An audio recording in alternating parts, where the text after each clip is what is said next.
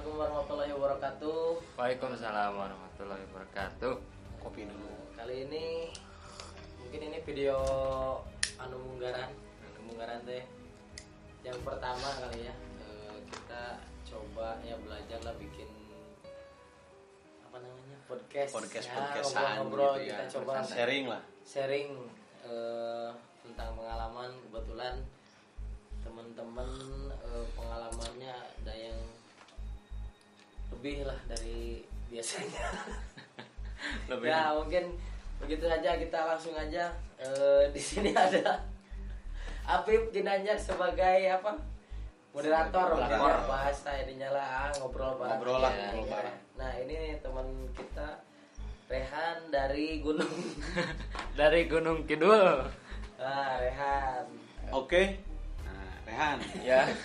Rehan kumaha damang? Alhamdulillah Pak Apip salam sulna. Oke, Rehan. Jadi kieu Itu. sebetulnya Rehan. Sebetulnya mah kita tuh pengen pengen tahu dari dulu gitu ya Gimana? tentang pengalaman Oh, Rehan. iya. Karena memang mau tidak mau, kalau memang mau diceritakan dari awal, jadi diceritakan dari awal itu si Rehan ini tuh anaknya tuh dulu pertama kali dibawa naik gunung ya ke saya gitu. Jadi ini kita akan bercerita tentang Dari awal lalu. dulu lah. Dari awal Sedikit sedikit jauh. dari awal. Sedikit. Oh, nanti sedikit, langsung ya. loncat gitu aja. Ya, siap, siap. Karena kalau memang diceritakan lebih Detail. detail ya nanti di podcast podcast berikutnya gitu. Nah coba eh, saya ingin tahu Han eh, karena memang dulu itu kita sering naik gunung Ya. sebetulnya sama Rehan gitu ya.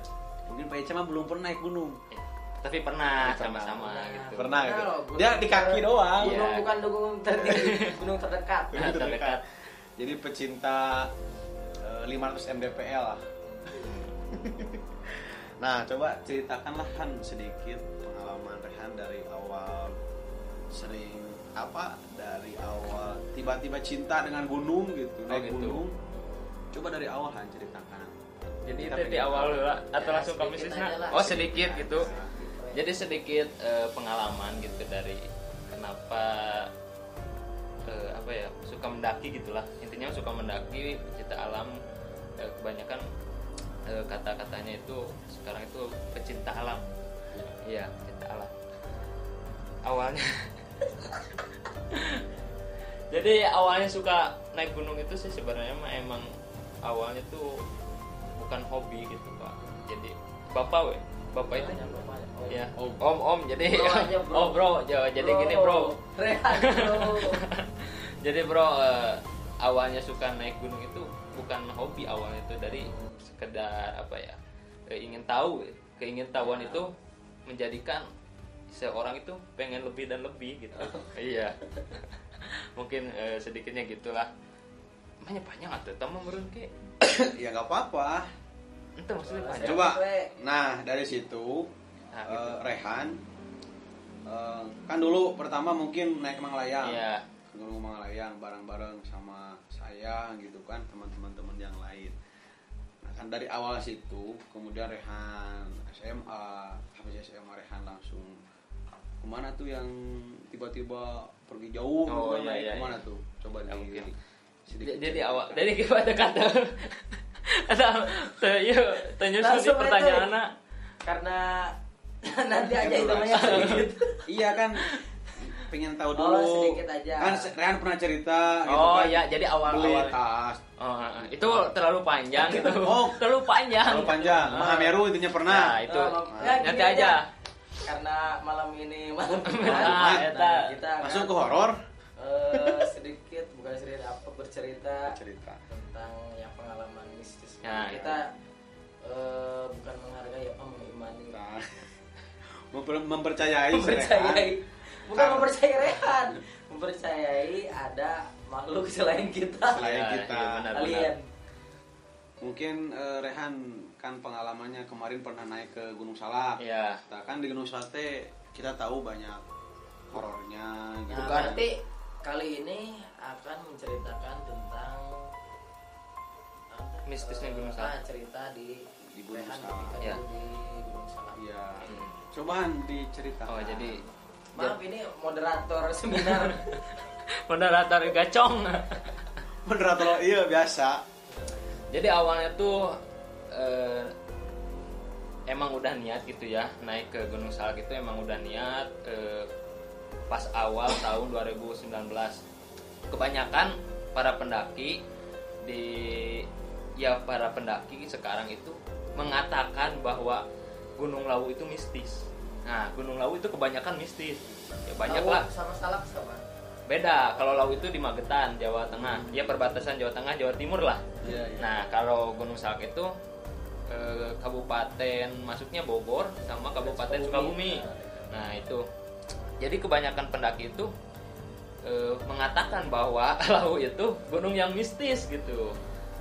Tapi menurut para pendaki yang udah pernah ke Salak bahwa Gunung Salak itu gunung yang angker. Nah, mungkin eh, Bro kan pernah lihat kecelakaan-kecelakaan gitulah di Gunung Salak.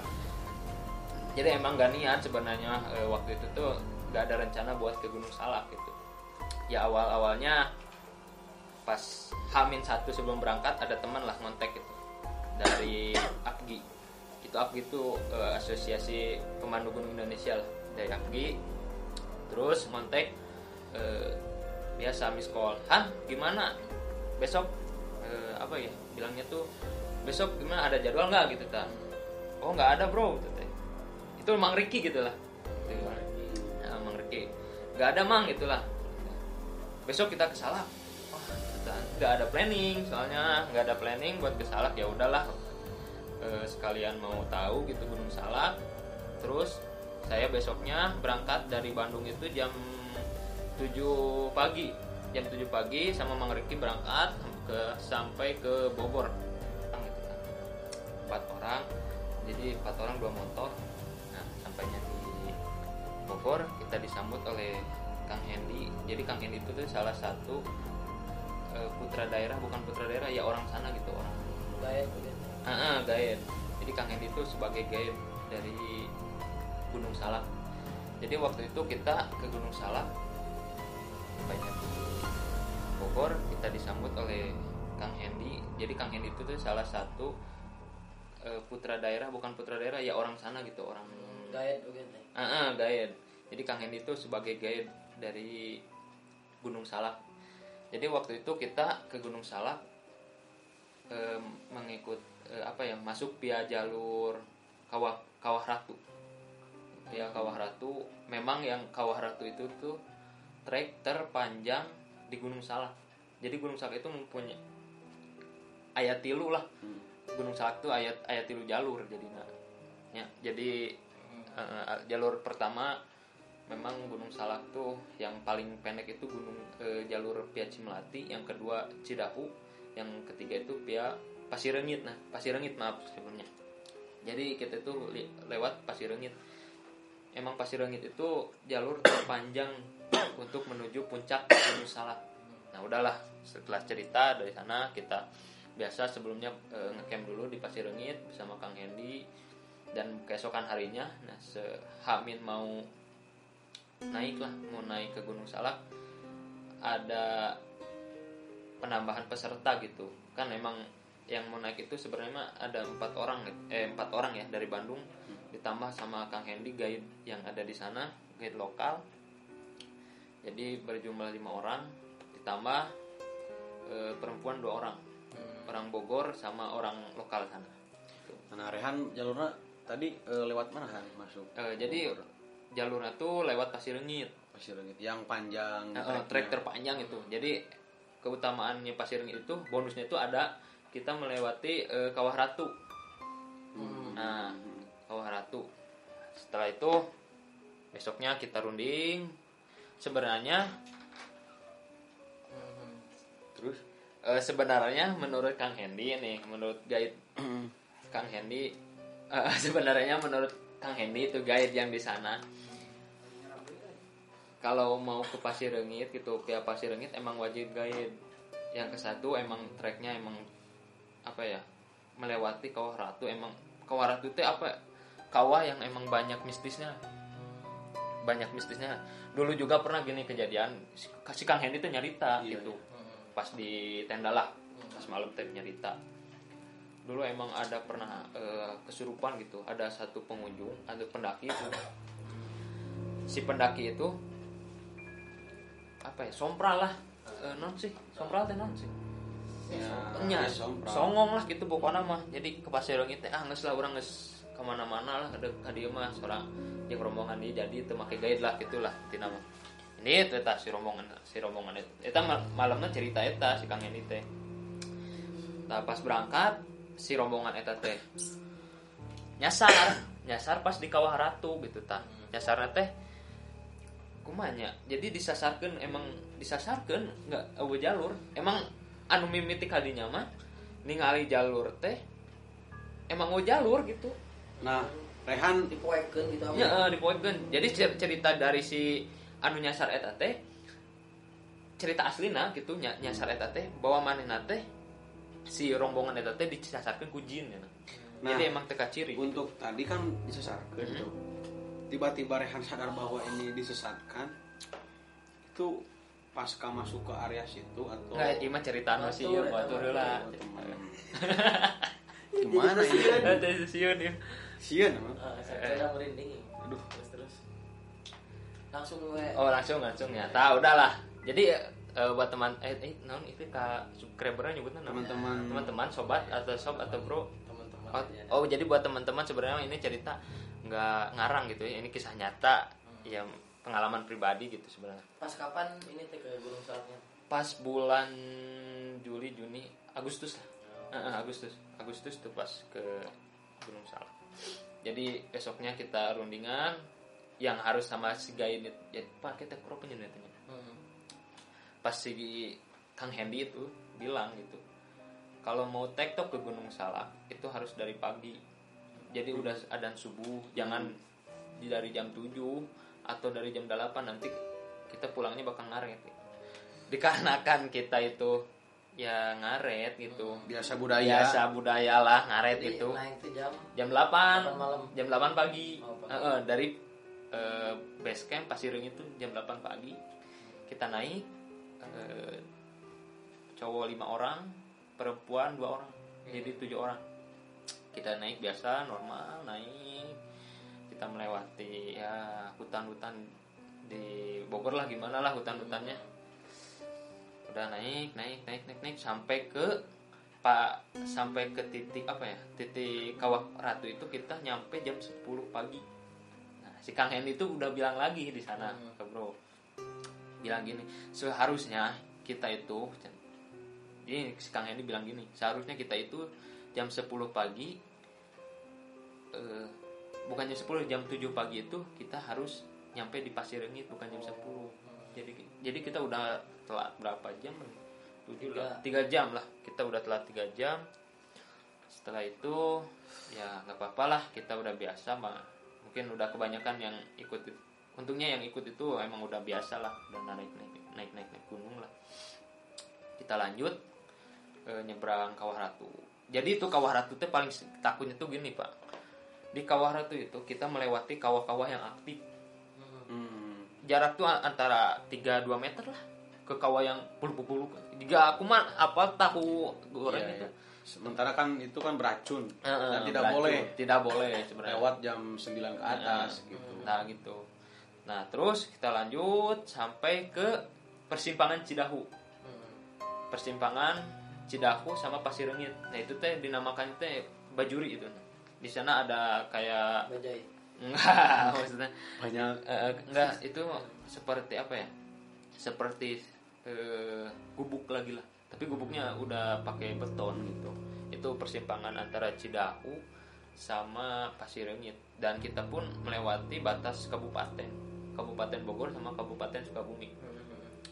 Sampai di Cidahu di pasir eh, di apa ya tempat gubuk itu kita nyampe jam 12 pas adan leluhur nah, si Kang Hendy itu bilang lagi gini sebenarnya kita itu harus di HM 25 ini jam lohor itu. Nah, udah lanjut cerita udah gitu sholat di sana masak makan siang. Masak kita lanjutin. Emang sih pas di Cidahu itu sebenarnya kita mau balik lagi. Hmm. dikarenakan ya mungkin kalau kita ke atas kita bakal nyampe nyampainya malam gitu dikarenakan ya jauh-jauh lah intinya mah. Aku orang jauh-jauh di Bandung gitu ngebelaan duit ngocor atau bensin. Iya, ya nggak saya paksakan lah. Hmm. dengan tekad yang kuat dan sebenarnya mah hati nggak gebok gitu lah.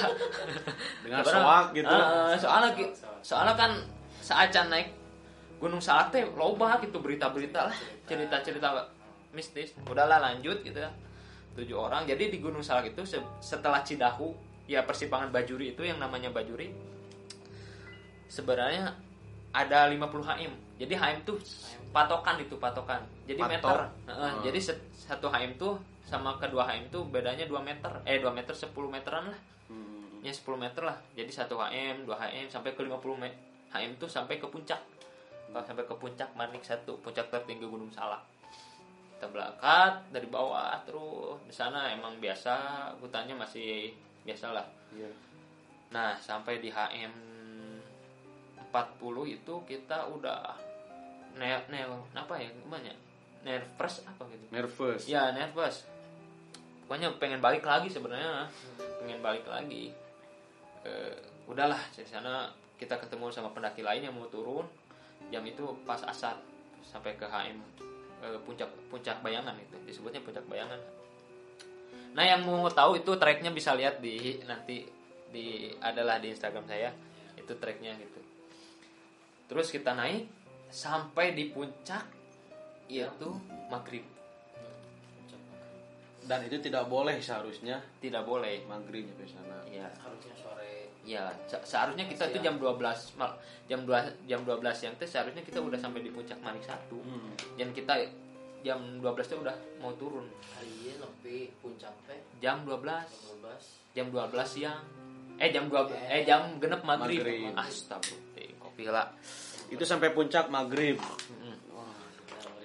Nah, dari sana sampai puncak, Rehan melewati berbagai jalan kan. ya Maksudnya ini kan belum ada nih cerita-cerita yang dar gitu istilahnya, Iya, baru iya. Lurus gitu. baru nyampe ini Baru Baru di nyampe. atas. Hmm. ya sampai di sana sampai di Nginep. puncak Nginep. enggak nggak nginep Nggak nginep. sampai di puncak kita nemu eh, beberapa pendaki satu grup gitu dia bertanya gitu kang nggak bawa tenda gitu ya si salah satu pendaki itu oh enggak ini mau tektok wah tektok jam segini gitu Eh, tektok jam segini gitu ta gimana pulang oh ini udah banyak kan tujuh orang gitu. Kita tujuh orang maghrib makan biasa ngerokok sebat gitu ngobrol sana sini. Setelah itu kita sholat melakukan sholat di puncak manik satu. Udah sholat ya kita berunding lagi. Nah cuaca di sana tuh untungnya cuaca tuh lagi ngedukung. Si bulan tuh lagi nggak full sih. Bulan tuh nggak full tapi eh, ada apa ya? Awan dikit. Iya awan dikit lah. Jadi nggak emang full tapi tertutup awan gitu setelah itu kita berunding semuanya panik lah kalau kita pulang lagi ke Pasirengit kita nggak akan kemu- kemungkinan besar kita nggak akan nyampe sampai Pasirengit dikarenakan ya itu lewat kawah. Hmm. ya sedangkan handlem persiapan perbekalan makanan itu cuma satu Bang. Eh, bro cuma satu gitu. Perbekalan tuh tinggal yang nyisa itu tinggal apa ya? Tinggal kerupuk kalau nggak salah. Kerupuk sama kue itu. Yaitu yang perbekalannya ada. Kita berunding di atas menentukan mau pulang ke mana nih? Diambil keputusan oleh Kang Hendi ya Kang Acong. Nah itu yang jadi salahnya tuh di sini. Semuanya panik semuanya di atas. Puncak Ya. manis satu. Itu udah setengah tujuhan lah. Udah malam udah malam. Maghrib. Nah, udah setengah tujuh maghrib. Kan jadi di puncak manik itu ada makam. Iya, iya. Kalian bisa lihat lah gimana makam Mbah Salak itu. Di sana ada makam Mbah Salak namanya tuh makam Mbah Salak. Saya kurang tahu sih itu apa makam beneran atau enggak, tapi menurut penduduk itu emang makam Mbah Salak gitu disebutkan. Nah, dari sana kita berunding, oke, kita ngambil keputusan kita jalan Cidahu. Eh, kita jalan Pasirengit. Eh, Pasirengit. Kita jalan lewat Cimelati kita gaetnya tuh teh kata guide nah si guide itu teh si Kang Hendy itu teh dia tuh baru satu kali ke sana. Dan nyasar waktu itu teh. Jadi belum pernah dia tuh Belum pernah turun ke Cimelati. Eh. Cimelati. Dikar eh, dikarenakan ya mungkin dari support dari saya gitu dan ya Kang ayo Ricky ayo lah gitu ayo hayu kayak kehanap mah orang nyewa. Posisinya se- eh, yang selain apa kayak itu teman-teman pun tidak tahu. Tidak tahu semuanya. Yang nyangkanya ke Kang apa? Hendy. Kang Hendy itu tahu pernah ke sana gitu nyangkanya. Jadi Kang Hendy itu cuman nganterin eh cuman nganterin via apa? Via Cem- via pasir rengit turun lagi pasir rengit nah jadi nggak pernah lintas gitu. Pernah sekali cuman nyasar. Sampai pulang. Sampai pulang. Bisa. Ya sampai pulang setelah nah yang konyolnya itu pak. Eh bro. Konyolnya itu yang tahu yang pertama kali semuanya itu pertama kali naik ke Gunung Salak. Semuanya kecuali Kang Hendy yang itulah ya kita langsung ambil keputusan tapi menurut Kang Hendy udahlah kita lewat Cimelati. Karena lewat Cimelati satu lebih ya lebih apa ya si waktu itu lebih irit katanya kita ya paling tiga jam katanya. Nah itu di sana eh di sana. Di sana itu tiga jam sampai ke bawah. Menurut Kang Hendy sambil ya kita sambil sebat gitu ngerokok ngopi. Nanti udah ke bawah kita sewa angkot atau sewa apalah mobil-mobil warga gitu. Untuk kembali lagi ke base camp Pasir Rengit setelah itu kita berjalan pembagian apa ya eh, kelompok. Saya di bagian saya dibagi eh, apa ya di bagian belakang sama Kang aduh lupa lagi. Pokoknya sama itulah teman saya di belakang cewek di tengah dua Berarti di berapa orang tadi teh? Tujuh. Tujuh sama Tujuh Kang orang. delapan. Sama Kang Hendy tujuh. oh, Hmm, sama Kang Hendy tujuh. Kita laki-laki berdua di belakang eh, dua lagi perempuan tiga lagi laki-laki di mana posisi? Paling belakang. Paling belakang. Nah, paling itu belakang. berapa jarak meter Jadi dari kata si Kang Hendy itu dia bilang gini bahwa Pia Cimalati trek paling dekat dekat lah. Tiga jam kita nyampe lah. ya Nah dari sana dari atas sampai sana itu tiga jam katanya. Mm-mm. Ya oke lah kalau gitu oke. Kita kan kebanyakan yang untungnya itu kebanyakan yang muncak itu ya sering muncak lah gitu. Jadi nggak khawatir gitu kan. Ya oke lah kita lewat Cimelati daripada kita balik lagi lewat Pasir Rengit nggak akan memungkinkan di Kawaratunya gitu. Tangis gitu tehnya ini teh orang teh. Ngalewatan makam Mbah Salak. Wah merinding suka asli merinding merinding. Jadi lewat makam Mbah Salak nah mu- mulai angker ya mulai kerasa mistis-mistisnya itu di sana gitu. Mungkin eh, kita terlalu sompral gitu. Pas eh, kita terlalu sompral eh, apa ya mun Sunda nama asa aing lah gitulah. Ah pirakan dia pia cemati tilu jam nyampe ke hanap lu lompatan ge itulah itu sompralna eta itu posisi jam itu teh mau turun jam 7 itu udah isa mau isa lah mau isa jam 7 kita turun kan saya yang pegang GPS yang bangko yang pegang kompas itu ya, saya setelah beberapa mungkin udah 30 menit lah udah tilu 30 menit kita berjalan udah kayak jauh gitu. Hmm. jadi jalan itu udah kayak kayak jauh itu udah setengah delapan lah. Hmm. udah sampai jam 8 itu. Kita udah jauh. Pas dilihat di GPS kita baru berjalan 200 meter itu itu asli itu nggak bohong. Pengalaman saya itu itu paling katakan. Perasaan udah sejam lebih udah Ah, ah, udah setengah jam lah kita Perasaan berjalan. udah setengah jam. 30 menit itu. Kita tuh udah 30 menit semuanya dilihat.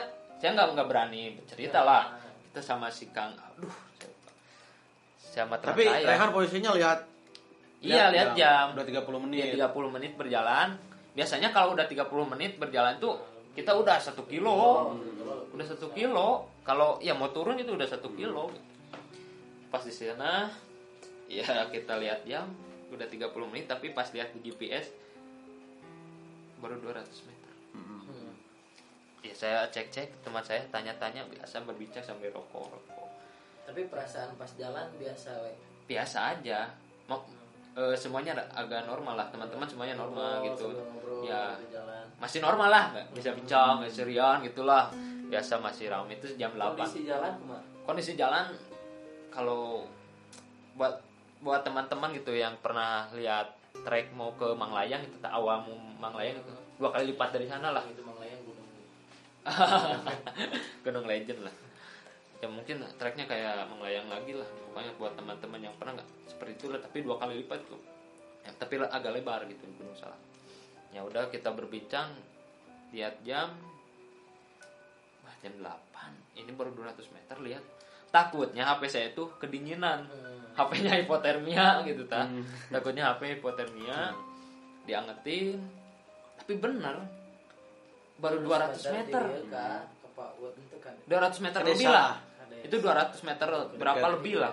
Setengah jam baru baru 200 meter. Jadi kita Nggak tuh- logis. Iya dari sana juga saya udah berpikir. Untungnya saya itu berpikir positif terus berpikir positif gitu. Iya. yang saya takutkan tuh kita buat cewek dua gitu.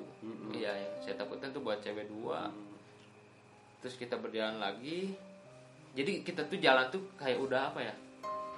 Lamun ngo- lamun mobil mah ngemplan gitu ta jalan teh ngemplan. Dia kayak udah lama gitu mungkin ya oh, oh, kayak udah jauh tapi aduh udahlah udah situ. Dari tadi setelah melihat apa ja ah, kita tuh udah lama. Kan berhenti mungkin tuh. Mm. nah dari situ kumpul langsung melakukan apa? Dari oh dari pas eh, Mm.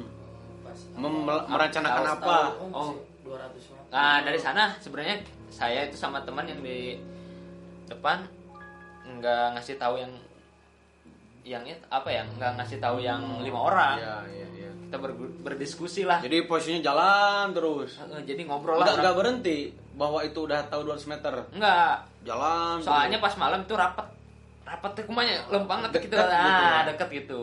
Jadi jarak yang tadi dua orang kedua orang kedua orang jadi semakin dekat gitu. Heeh, nggak maksudnya dari atas juga deket kita. Hmm. nggak pencar kan biasanya mun iyalah mun borang mah jauh. Jauh jauh gitunya ada borang kita mah deketan. Deketan sa- udahlah udah gitu kita ngobrol lah menurut orang mah dia depan lah. Ngobrol itu Rehan sama yang dua orang. Yang temen. Temen. Heeh. teman oh itu temen itu Kang Aris. Kang- ya. Kang Aris tuh sama si Kang Aris. Kang mohan cina berbincang itu ya pas waktu itu ya ke- kejanggalan ke satu itu. Kejanggalan ke satu. Kang kumahan tinggal jam. Ya tinggal jam lah. Kan jam 8 cina. tapi udah bener gitu kita berbicara Kang iku mah orang teh geus jauhnya heeh Cah, si Kang Aris. Oke emang ngomong gitu gitu ngomong eh han orang teh geus jauhnya lumpang oh iya masih gede nepi pas Iya. ningali pas di, ya pas ditinggalikeun gitu. Wah iya. Mah wah positive thinking lah positive thinking jalan biasa di sana berjalan biasa doaan tanu limaan biasa masih seserian gitu nya Iya, iya. masih seserian. Kita berjalan lagi sampai jam 9 istirahat ya break lah gitu. Ke air cuman satu botol setengah lagi. Untuk tujuh orang lihat baru jam 9 yang bawa peta itu cuma saya. Mm-mm. yang bawa peta digital itu cuma saya sama ya sama cuma saya doang yang bawa peta digital saya lihat lagi peta. Wah ini baru eh, setengahnya gitu. Wah mungkin dua jam lagi nyampe lah. Iya. itu kita tuh istirahat di pos 2 pos 2 berjalan lagi. Nah di pos 3 Mm-mm. pas di pos 3 teman ada yang cedera. Mm. nggak tahu kenapa itu tuh namanya Kang Opik. Teman cedera kakinya ya mungkin dia udah lelah gitulah. Udah lelah ngerengek gitu lah pengen pulang pengen pulang gitu. Sontak semuanya panik gitu. Sontak semuanya semuanya panik. Kita cerita sama Kang Ricky Kang Hendy yang gaib itu. Kang sini dulu semuanya. Memang pas itu pas pos 3 itu kita semuanya break. Ada yang udah tidur. Jadi pas diem di istirahat istirahat tuh langsung tidur saking lelahnya Hmm. berjalan dari Pasir Rengit jam 8 pagi itu kita belum istirahat sampai jam setengah jam 9an kita di pos 3 sampai hampir jam setengah 10 Mm. ya mungkin kita mungkin efek dari lapar